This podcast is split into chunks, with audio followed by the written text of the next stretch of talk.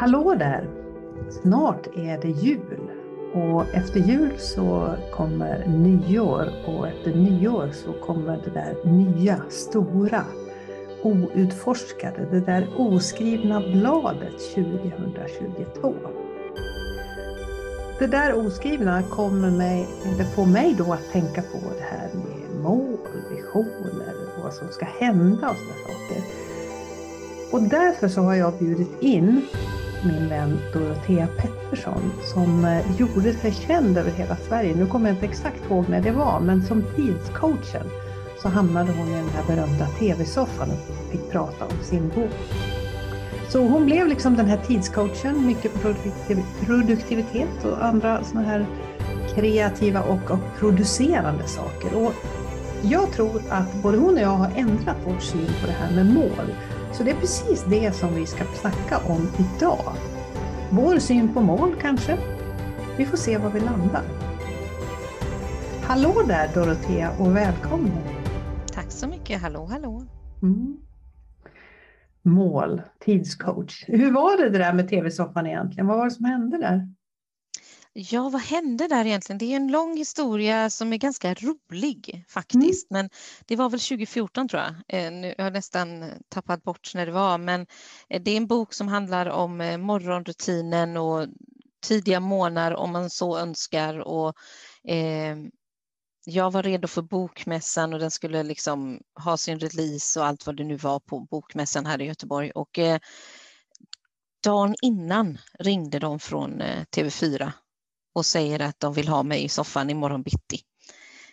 Och jag liksom, klockan är två på dagen och jag behöver ju liksom åka då. Jag får ett flyg och allt vad det nu är. Jag behöver åka dit. Eh, jag kommer inte ihåg, men det var framåt kvällen vid sex sju någon gång och så skulle jag till något hotell och allt vad det nu var.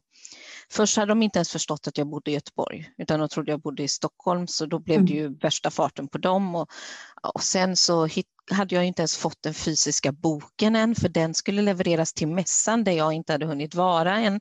Ja, det var bara allmänt kaos, men hur som helst så hamnade jag i den där soffan och pratade om min bok och eh, det gjorde jag någonstans i just eh, personifierad som eh, tidscoachen, hon som planerar, som har koll på tid, som, som jobbar med att eh, hjälpa människor att förstå sig på tidsuppfattning och varför den påverkar hur, eh, hur du gör saker i din vardag och varför din planering spricker eller varför saker och ting är som de är.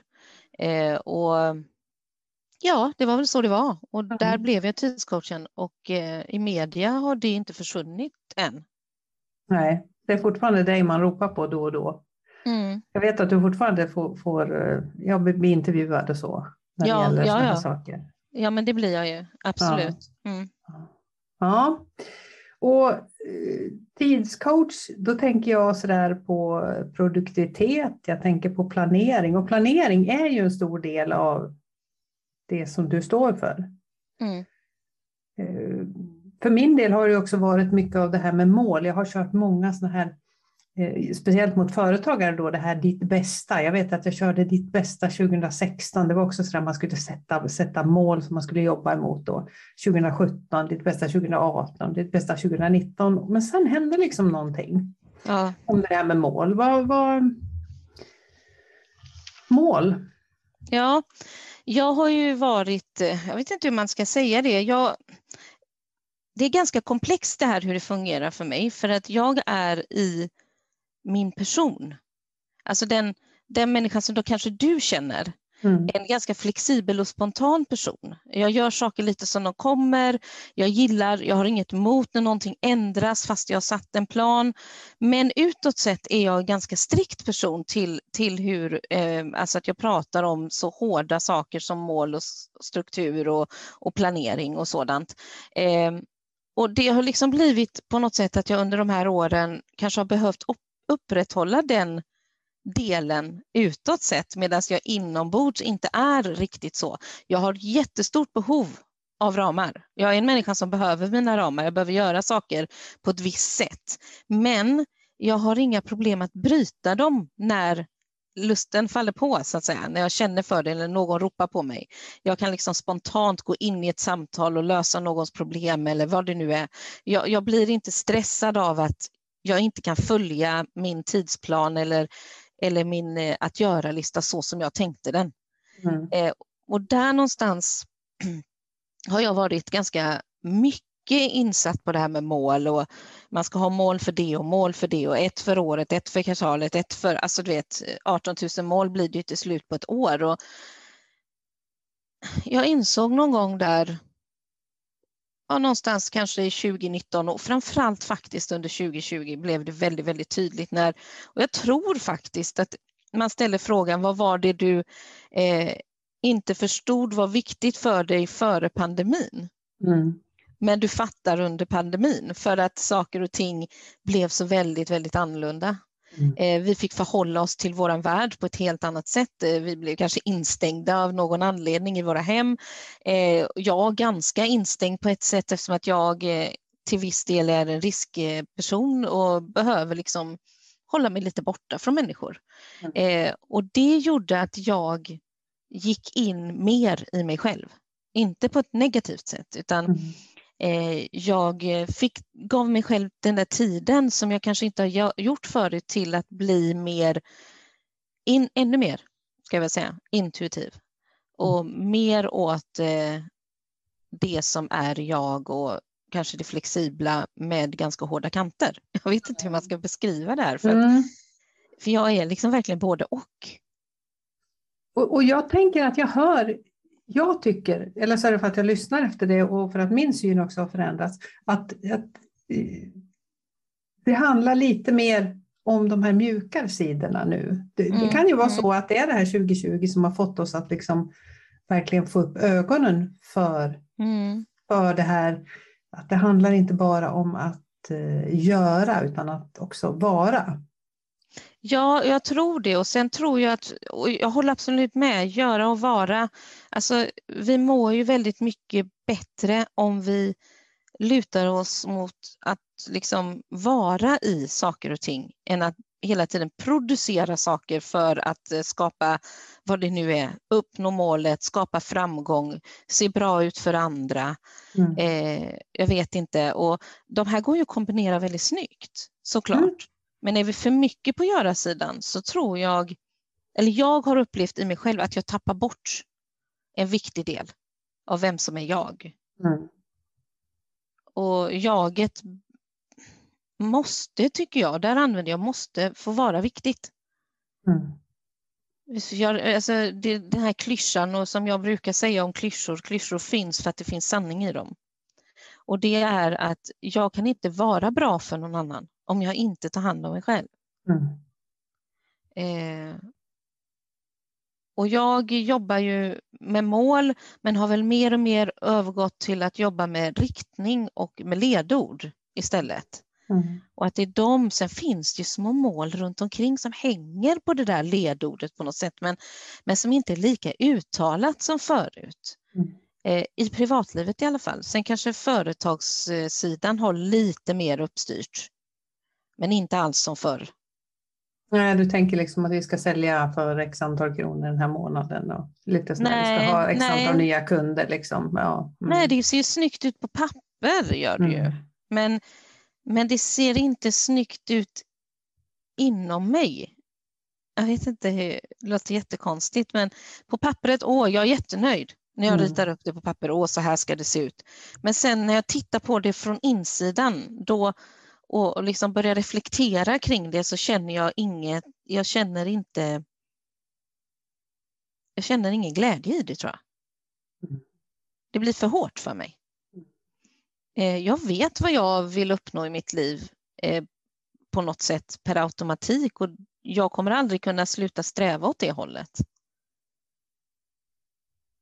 Vad är det du vill uppnå?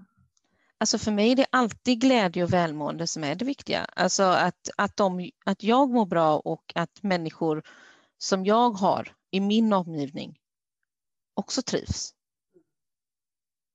Det är, det är liksom alltid det som är viktigast. Det spelar liksom ingen roll hur mycket pengar jag tjänar eller hur bra saker jag skapar eller hur många miljoner böcker jag skriver. Det, det är liksom inte det som är grejen. Grejen är ju vad, vad som händer innanför mina väggar hemma. På något sätt. Och då blir de här hårda målen eh, en krock. Sen säger inte jag att man inte kan ha hårda mål om vi ska uttrycka oss så. Eh, hjälper det dig att ta dig framåt och få gjort de saker som du vill för att du ska uppnå någonting, då är det jättebra. Så lite mer flexibilitet egentligen på hela den här produktionsarenan kan man säga. Ja, jag tänker att har man, tänker man att det ska ta tre månader och det tar fyra, det kanske inte gör så mycket i det långa loppet. Mm. Den enda gången det kan bli problematiskt är om du, den, här dead, den deadline du har är kopplad till någon annan mm. än dig själv. Alltså när du ska leverera någonting till någon annan.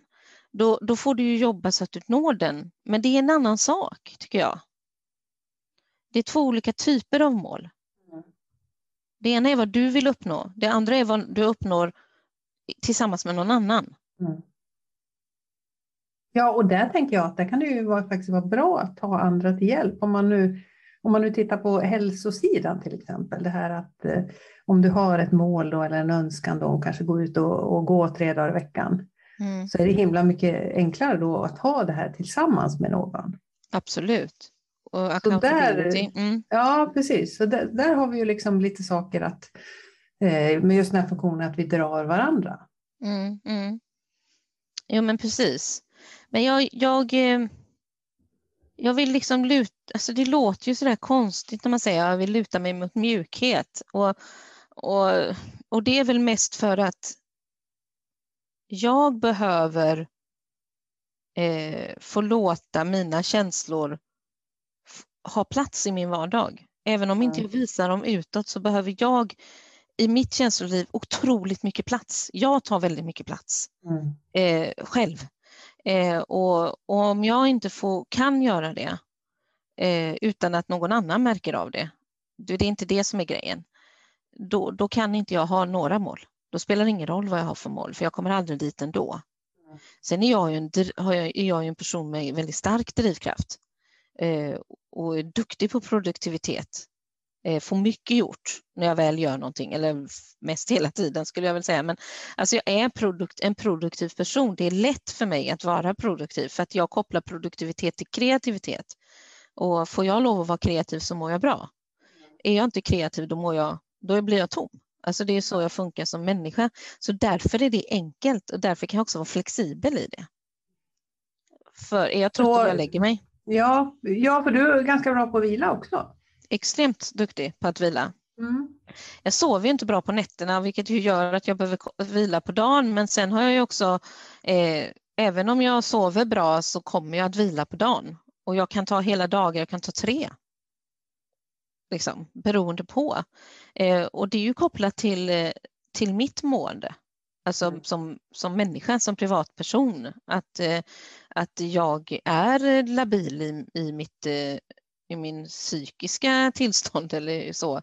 Och, och då, jag behöver lyssna på det, jag kan liksom inte hoppa över det. Det går inte. Då blir jag ju en pöl på golvet till slut. Och, och vad, hur ska jag tänker på det, du brukar ju också köra något sånt där planeringsmaraton, visst det har du gjort under många mm. år. Mm. Och nu har du, du har ju något nytt spännande på gång och det ska vi prata om lite grann här nu också.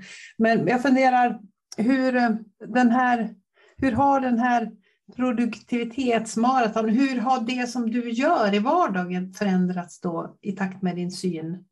Vad, vad har du fått för konsekvenser?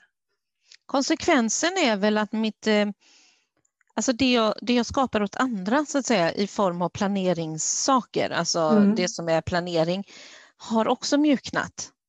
Eh, det är inte lika mycket sätt mål, gör så här, varför vill du ha det, så här lång tid ska det ta, eh, utan jag pratar som jag sa förut mycket mer om vad har du för riktning, vad är det du vill ska vara ett paraply över det som du ska göra den kommande tiden, om det är tre månader, en månad, ett år, alltså det spelar liksom egentligen ingen roll vad tidsperioden är, men, men du har någonting som på något sätt ramar in dig själv utan att du har Eh, massa saker som du måste förhålla dig till hela tiden så som mål gör. Eh, som under det här året har jag haft ordet meningsfullhet med mig hela året. Mm. Och, och, vad det betydde när jag satte det 2020 där i december, jag visste inte det. Du och jag satt och pratade om det och försökte klura på vad det ordet egentligen betyder. Och, eh, jag kom inte fram till någonting direkt vettigt då. Eh, under året har jag ju funnit vad det är för mig och det har ju liksom utan att jag ens har tänkt på det genomsyrat nästan varenda steg jag har tagit i år. Alla mina beslut som jag fattat ligger i det ordet och alla, allt jag har gjort ligger utifrån det ordet också. Ehm, jag har fattat ganska stora beslut i år som har varit rejält avgörande och jag har också skrivit en hel bok som definitivt anknyter till meningsfullhet utan att ordet och det nämns väl vid två tillfällen eller något i boken. Men eh, så det är väl så det har ändrats, att jag blivit... Eh, man får absolut sätta mål. Men glöm inte bort att det finns så mycket mer än just målen. Det som liksom är du och det som... Det är du som ska hantera dem. Det är du som ska utföra dem. Det är du som ska lägga tid på dem. Det är din energi, din produktivitet, ditt fokus ska läggas mot de här målen. Mm. Och om du då inte vet vart i ditt liv som människa du är på väg så går, är det jättesvårt att få de här två att funka tillsammans. Mm. För någonstans så hade jag så många år då, då mitt liv egentligen mer bestod av företagsmål och drivande av företag än vad det var jag som människa. Jag fixade andra människor, men inte mig själv. Och 2020 och 2021 har väl bjudit ganska mycket på det, kan man mm. säga. Och det betyder då att när du då tog beslut att förändra lite saker där, då, då var det den här meningsfullhet som, liksom, som blev din ledstjärna kan man säga? Ja, nej, men någonstans så landade det hela tiden i det. Var, varför är detta viktigt? Mm. Ger det mig verkligen mening? Ger det en känsla som jag behöver?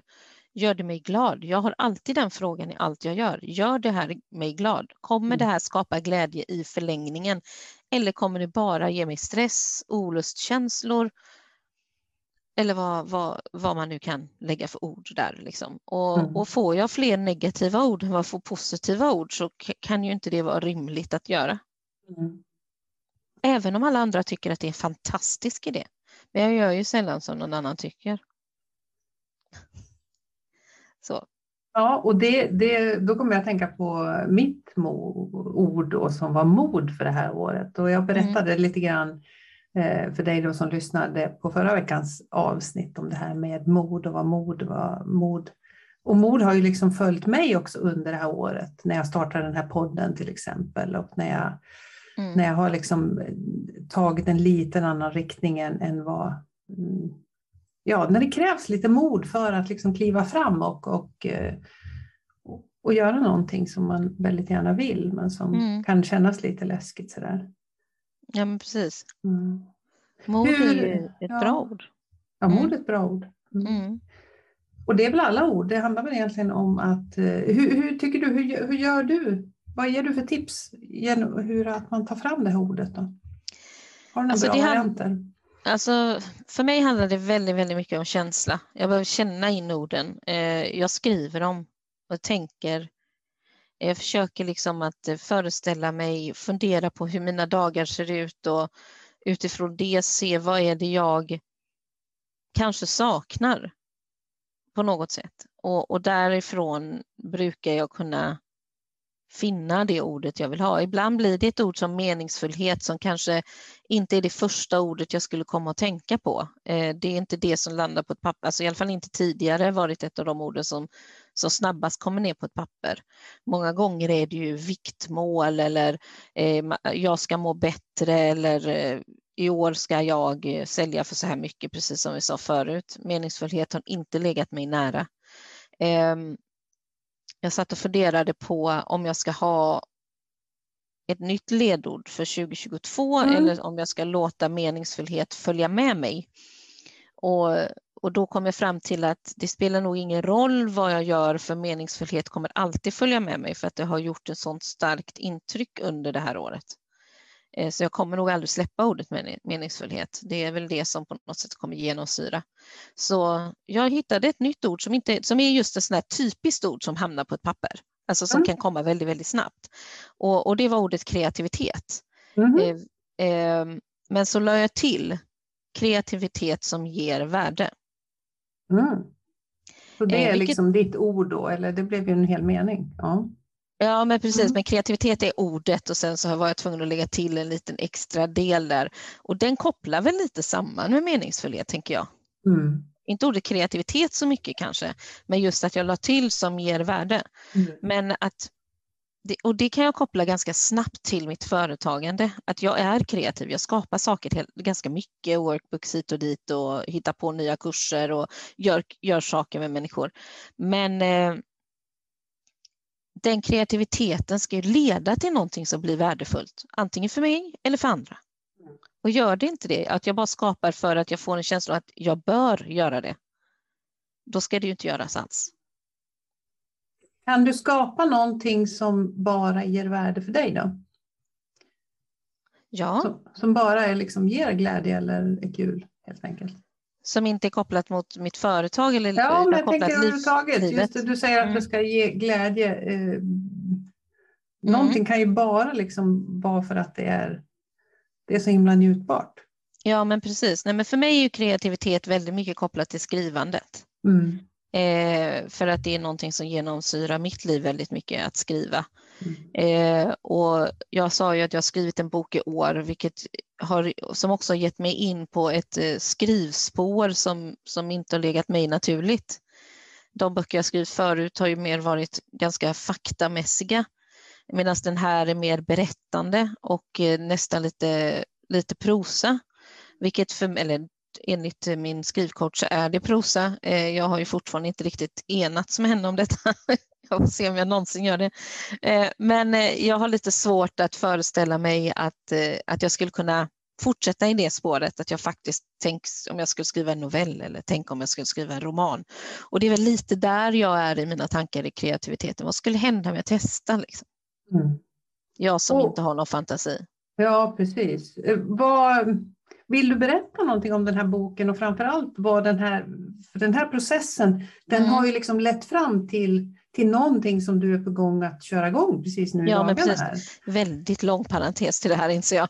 Eh, eh, ja, boken handlar ju om mig eh, och det låter ju fantastiskt, för jag vet inte varför jag skulle berätta om mig så mycket, men, men det handlar ju om ett liv med ångest, att leva med ångest och vad det betyder och hur, hur eh, jag i mitt liv hanterar all den ångest som jag har. Eh, jag har levt med ångest så länge jag kan minnas, sedan jag var barn och den har alltid funnits med mig. Jag är en väldigt orolig person, eh, vilket inte syns speciellt mycket utåt. Men det är någonting som bearbetas väldigt, väldigt starkt i mig konstant.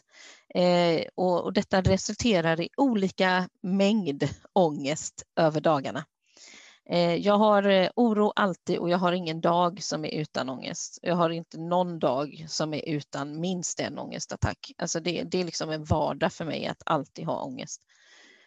Och det kan man ju tycka vad man vill om och det går väl bearbeta och det går väl jobba med. Ja, det går väl, men någonstans så tänker jag att jag är 48 år nu och jag har hållit på med detta i 48 år också. Så, så, så tydligen är det en del av vem jag är och då får jag hantera det på det mm. sättet också och acceptera det. Så boken handlar om min ångest och, och den handlar om eh, hur, jag, gör, jag ger en bild av den kan man säga och jag förklarar den. Men det kommer också bitar av eh, där man fattar när saker och ting uppstår. Liksom. Mm. Men den förklarar också min, eh, min koppling till planering min koppling till strukturen och, och, varför den är så viktig. Att, att jag behöver, som jag sa, de här ramarna. För att om jag inte har dem så tar ju ångesten över. Och att göra-listan eller planen, den är för mig en form av snuttefilt. Den ger mig en, en liksom tydlig tydlighet över dagen, att nu är det det här som gäller. Sen betyder inte det att jag måste göra det. Jag behöver bara ha den. Mm. Den behöver liksom ligga hard, jag pekar mot den nu, den ligger här på min högra sida. Det är som en liksom. liten ledstång kan man säga. Liksom, ja, jag håller i den. Mm. Ja, och vissa dagar så mm. faller den totalt och det är fine. Eh, så det är det jag pratar om eh, och i det så har det också blivit så väldigt, väldigt tidigt. Jag har skrivit dagbok sedan jag lärde mig skriva, vilket är 6-7 års åldern. Mm. Eh, I stort sett varenda dag i alla dessa år. Eh, och i år så blev det ännu tydligare vad det här skrivandet egentligen gör för mig. Och, och det är att det finns en, någon form av trestegsvariant i det hela. Jag skriver, där kommer jag fram till hur jag mår. Det som jag kommer fram till bearbetas i någon liten mellanrum och talar om för mig att så här kan min plan se ut för idag. Mm. Och det som ni har fått sett hittills är ju den delen som är så här ser min dag ut idag. Mm. Men inte försteget. Mm. Och skrivandet är försteget. Men det är också otroligt terapeutiskt. Det är väldigt eh, nyttigt att gå in och skriva om det. Vad, vad, tror du dina läsare, dina följare, de som liksom har sett den här, den här eh, tidscoachen Dorro, vad, vad tänker du att, eh, hur tror du att bilden av dig förändras? Jag tror att eh, jag, jag vet, jag har funderat jättemycket på det. Och jag tror att många kommer bli väldigt förvånade. Eh, alltså jag har människor i min absoluta närmsta närhet som inte vet om detta. Som inte har förståelse för hur mycket ångest det här, hur mycket ångest jag har. Eller hur mycket det påverkar mitt liv och varför jag i perioder håller mig ja, i stort sett inomhus. Jag går liksom nästan inte ut genom ytterdörren. Liksom. Och jag går inte på bio. Jag, gör inte, jag, alltså jag kommer inte komma till Ullevi och se min favoritartist. Det kommer aldrig hända. Jag kommer inte gå in. Och, och det, det kommer, folk kommer få en förklaring till vissa saker, men de kommer nog bli förvånade. För jag tror inte att jag visar upp en sådan sida av mig själv. Jag tror inte speciellt många människor förstår hur mycket ångest jag har. Så vad är din drivkraft bakom att, eh, eller tänker du ge ut det här eller, eller vad har du bestämt för det? Jag har inte bestämt mig. Jag ska skicka den till några stycken nu, mm. eller snart, som ska mm. läsa. Testläsare måste man ha. Men sen har jag en person som ska läsa den och det är min syster och hon har veto. Mm. Eh, om hon tycker att eh, den är för känslig, för stor, för mycket, för vad, vad som helst, spelar ingen roll, då kommer den inte att ges ut. Så eh, hon har veto. Eh, säger hon fine, då är det jag som bestämmer. Och då kommer jag väl få ta en runda med mig själv som jag inte känner att jag behöver göra än för att jag är inte där. Men när du kommer dit så kan du få låna mitt mod om du vill. Åh, oh, vad snällt. Tack så mycket. Jag kan behöva mycket av modet tror jag. Ja, ja. Alltså, jag har ju kallat den här boken för boken jag aldrig, som jag aldrig skulle skriva. Mm. Eh, för mig själv är det det den har kallats för, boken jag aldrig kommer skriva. Mm. Eh, nu är den skriven, det är ingen lång bok. För att eh, när, om, om, någon av er någon gång får läsa den så kommer ni förstå varför den inte kan bli lång. För att mm. det, finns, det finns liksom ett, ett tak på hur mycket ångest man kan klara av. Så att säga. Eh, men den är hoppfull också för att eh, den visar på att ångesten behöver inte ta över hela livet. Mm. Man kan göra bra saker, man kan bli framgångsrik på olika plan, man kan vara glad. Alltså jag kan ju jag kan ju ha en ångestattack samtidigt som jag sitter och pratar med människor och skrattar och ni kommer aldrig märka det. Jag kan ha det på samma gång. För att jag har lärt mig det. Så jag tror att folk kommer bli förvånade. Mm. Men det leder ju till att jag vill lyfta skrivandet framför allt. Mm, det var det jag tänkte säga, för, för du, du, har ju ändå tagit saker ur den här skrivande processen och ur det här meningsfullhet och allt det här som, mm, mm. Och, och, och, skapat någonting som, eh, för jag tänker det här kommer ju, som jag tänker så, så är väl det här en sak som hjälp, kan hjälpa människor. Absolut. Det kan eh. hjälpa människor på många olika plan och det viktiga är någonstans först och främst att säga att jag är inte psykolog. Men du behöver heller inte vara psykolog för att jobba med skrivterapi. Mm. Eh, däremot är det så att, eh, att om jag skulle sitta i samtal och jobba med någon som skriver om tuffa saker så kommer jag att i de lägena eh, rekommendera att det är en psykolog som ska ta över. Men det är en parentes, det är en annan sak. Liksom. Men skrivterapi är, det, det är en utbildning eller, som jag håller på och ska gå nu och har ja, påbörjat lite lätt och eh, kommer få en certifiering i skrivterapi. Eh, för att eh, jag vill ha, jag är en sån person som alltid vill ha verktyget ordentligt för mig. Samma sak med coachingen och allting. Eh, men det hjälper på ett, eh, det behöver inte vara trauma. Det kan vara känslorna som du har idag, det kan vara känslorna som, som du bär på ofta, det kan vara varför reagerar jag som jag gör, vad, vad är det som händer med mig i de olika situationerna, vad är jag rädd för, vad, är, vad behöver jag mod till? Allt det här som vi går runt och klurar på, allt det här som vi gör. Var får vi det ifrån och var sitter det någonstans? Hos oss. För det sitter på olika ställen i kroppen också. Jag vet väldigt tydligt var min ångest bor någonstans. Jag vet jättetydligt var min intuition finns och de krockar inte med varandra. För att jag, de bor ställen. på olika platser. Ja, mm. Mm. Eh, jag kan liksom i, mitt i en ångest ändå förstå vad min intuition vill säga för att den, den kommer reagera på ett annat sätt än vad min ångest gör. Och, och det är det här man, det är sådana här saker man lär sig genom att skriva. Så, så det, som du, det som du har börjat på med nu och som du liksom har, har börjat prata om i dagarna här, mm. det, är någon slags process som, berätta, om, berätta speciellt, för du, jag vet att du vänder dig både till företag och privatperson, men om, om vi pratar på den här privatsidan, vad, vad är det som händer där i jo, den här processen? Jag kallar det för dagboksterapi och det gör mm. jag för att jag har en sån stark anknytning just till dagboken. Mm. Eh, och journaling kallas det ju på, på engelska, men journaling har blivit ett så stort och brett begrepp så att man vet inte längre vad det är. Liksom. Så därför så kallar jag det för dagboksterapi. Och det som händer är att, att jag kommer helt enkelt ha något som jag kommer kalla för bootcamps som är 30 dagar liksom varje gång, där vi jobbar med skrivandet utifrån olika uppgifter varje dag. Och man får en workbook som man har och, och där har man hela månaden så att det är inte så att du får en ny varje dag utan du har dem framför dig. Så vill du göra fem i sträck så får du göra fem i sträck och vill du göra en så gör du en. Och sen så har vi gruppsessioner så här på Zoom och eh, pratar om det som vi kanske har lärt oss och vi behöver inte man behöver inte vara personlig, men man kan ändå lära, prata om sin erfarenhet. Vad hände med mig när jag gjorde de här grejerna utan att berätta vad du faktiskt skrev? Mm. Eh, och liksom hjälpa människor att nå inåt med hjälp av orden och att vi får en känsla av att det här är mitt. Liksom. Mm. Jag behöver inte dela med mig. Jag kan till och med bränna det om jag känner för det. Jag kan slänga det, jag kan riva det, jag kan vara arg på det och jag kan vara jätteglad också. Eh, och sen så kan man kombinera detta eh, i vanliga coachingsamtal kopplande, kopplat till skrivandet. Mm. Eller också så är det en helt vanlig coaching du vill ha, alltså vanlig i bemärkelse med mig, alltså planering och struktur, men att man lägger skrivande mellan sessionerna kopplat till det som vi pratar om. Men det kommer vara de här 30 dagars bootcamps och eh, där jobbar man tillsammans med mig då och andra. Fast det är ju liksom inte så att eh, man träffar mig eh, personligen bara om man inte även lägger på coaching då.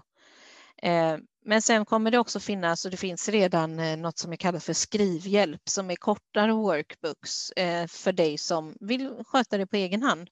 Där det finns hjälpfrågor eller meningar eller citat eller mm. någonting som man utgår ifrån. För det, det handlar ju om att Antingen så flödesskriver du, alltså utifrån det som kommer i huvudet så skriver du om det så länge som pennan vill skriva. Eh, eller också så får du hjälpmeningar, liksom börjor, citat och så använder du den och så det som kommer till dig när du läser det här skriver du. Och ibland kan det vara en direkt fråga, vad gör dig rädd? Och då svarar man på den. Och det brukar och det, leda till nya saker. Ja. Min spontana reaktion på det här är att det handlar väldigt mycket om känslor, hela mm. det här mm. alltihop. Ja, jag, jag har fattat det rätt då. Ja, det blir ju mycket känslor. Vi mm. kopplar, alltså, mycket av, alltså, vi människor styrs ju av känslor. Eh, vi kan inte, är det någonting vi inte kan koppla bort hur mycket vi än vill så är det känslorna. Vi styrs av amygdalan som, eh, som sitter uppe i vårt huvud och som vars jobb är att eh, hålla oss borta från saker som, som är farliga. Och där bor också i närheten tillsammans också känslocentrat. Och de här krockar med varandra och jobbar ihop och stöter emot och blötar och har sig och är kompisar och inte kompisar. Och det här gör att allt du ska ta dig för är kopplat till känslor. Mm. Det spelar ingen roll om du ska gå och lägga dig, du ska liksom eh, lägga brev på brevlådan, vad du nu än ska göra så är det kopplat till någonting. Jag känner inte för det här, åh jag tycker inte om att gå ut. Idag hade jag hellre velat, åh nej jag mår inte så bra idag så det blir jobbigt. Alltså det, det är någonting som, som triggas i oss hela tiden som är kopplat till känslor och det behöver inte vara negativa känslor. Det, det, alltså, det är så lätt att tro att det handlar om trauman och negativitet, alltså sånt som är negativt. Men det finns otroligt mycket som är fint och bra som vi får fram. Mm. Eh, alltså det finns ju tacksamhetssidan, det finns eh, människor som vi tycker om, saker vi gillar att göra. Varför gör vi det? Mm. Det låter jättespännande och inspirerande. Och för den då som är sugen på att eh, kolla vidare på det här, vad hittar de på dig någonstans? Vad ska de gå in ja, då och titta? letar man på min hemsida på Dorotea Pettersson. Jag brukar köra på det. Mm, .se. Mm. Ja, .se. Mm. Eller på Instagram där det är samma namn. Ja, så kan de gå in och titta på det här. Ja, eh, ja vad spännande. Eh, så har du något mål för 2021 eller har du lagt ner det helt? Eller har du någon riktning, någon, någon sån här riktning på pränt? Eller? Riktningen är ju än så länge inte så färdig. Jag har ju kommit fram till att det är kreativitet. Mm. Eh, sen har jag, jag satt faktiskt med detta alldeles innan jag satte mig med dig. Eh, jag kommer att ha i januari så kommer jag ha en liten tillställning för några vänner som jag kommer kalla för Bubbel och visioner eh, som startar av året där vi tillsammans kommer prata om visioner och på vilket sätt vi kan hjälpa varandra att nå de här visionerna. Och sen dricker vi bubbel såklart. Det, det, det lät som en såklart. himla bra. Jag, i, för två gånger sedan då föreslog jag visionstavla, men, men det där med bubbel lät ju, det lät ju ännu bättre. Eller hur? Om man gillar det. Nej, men mina mål som jag har än så länge, alltså det, det är kopplat till mitt bokmanus. Mm. Att eh, jobba, se vad som händer. Och sen har jag liksom skrivit, eh, jag säger nu ett litet hemligt mål, för det blir ju extremt hemligt om jag säger det här. Va? Jag har redan nuddat vid det. Eh, det är att eh, jag tänker ge mig på att försöka skriva någonting som är åt novell eller romanhållet. Men först måste jag bli klar med det här som jag håller på med. En sak i taget. Det brukar ju vara mitt motto. Ja, eh, vad ska vi säga? Jag vet att jag frågade dig om mål för 2021. Jag menade ju naturligtvis 2022. Det, mm. det ger ja. väl sig själv. Men eh, ja, vad ska vi skicka med till dig som lyssnar här idag? Vad, vad, kan du behöva på din väg här mot 2022? Det har ju varit tre avsnitt här nu som har liksom varit lite framåtblickande. Mm. Tycker du, vad ska vi skicka med? Alltså jag brukar säga att titta på det som har varit. Välj vad du vill ha med dig. Eh, släpp det du inte vill ha. Och eh, vill du ha mål så låt dem vara på ett sätt så att de inte påverkar dig negativt. Mm. Alltså ger dig stress eller vad det, vilken negativ känsla som ligger dig närmast. Eh, och, och mjuka upp det lite. Sätt lite runda kanter på det. Mm. Det betyder inte att vi inte ska jobba med deadlines, för det ger motivation. Eh, det mm. betyder inte att vi inte ska ha mål för att det ger motivation. Eh, vi behöver också vara kreativa och kreativiteten kommer också tillsammans med att vi behöver vara produktiva. Alltså de här sakerna jobbar ju tillsammans och vi mår ganska bra när vi är produktiva. Men det betyder inte att det ska styra oss. Vad mer är varat än är görat. Energier i balans. Just det. Just det. en fantastisk avslutning tycker jag på det här och jag tänker att vi, vi får önska både du och jag då alla lyssnare på cirkeln ett eh, riktigt sådär god jul och, och gott nytt år. Ja, ja, det är det det är. God mm. jul och gott nytt år. Ja, vi mm. testar med det för ja. um, när det här släpps så... Ja, nyår är min favorithögtid på hela året. Mm. Då blickar vi framåt till nyår då som första mm. steg. Tusen tack för att du kom hit idag. Tack för att jag fick komma.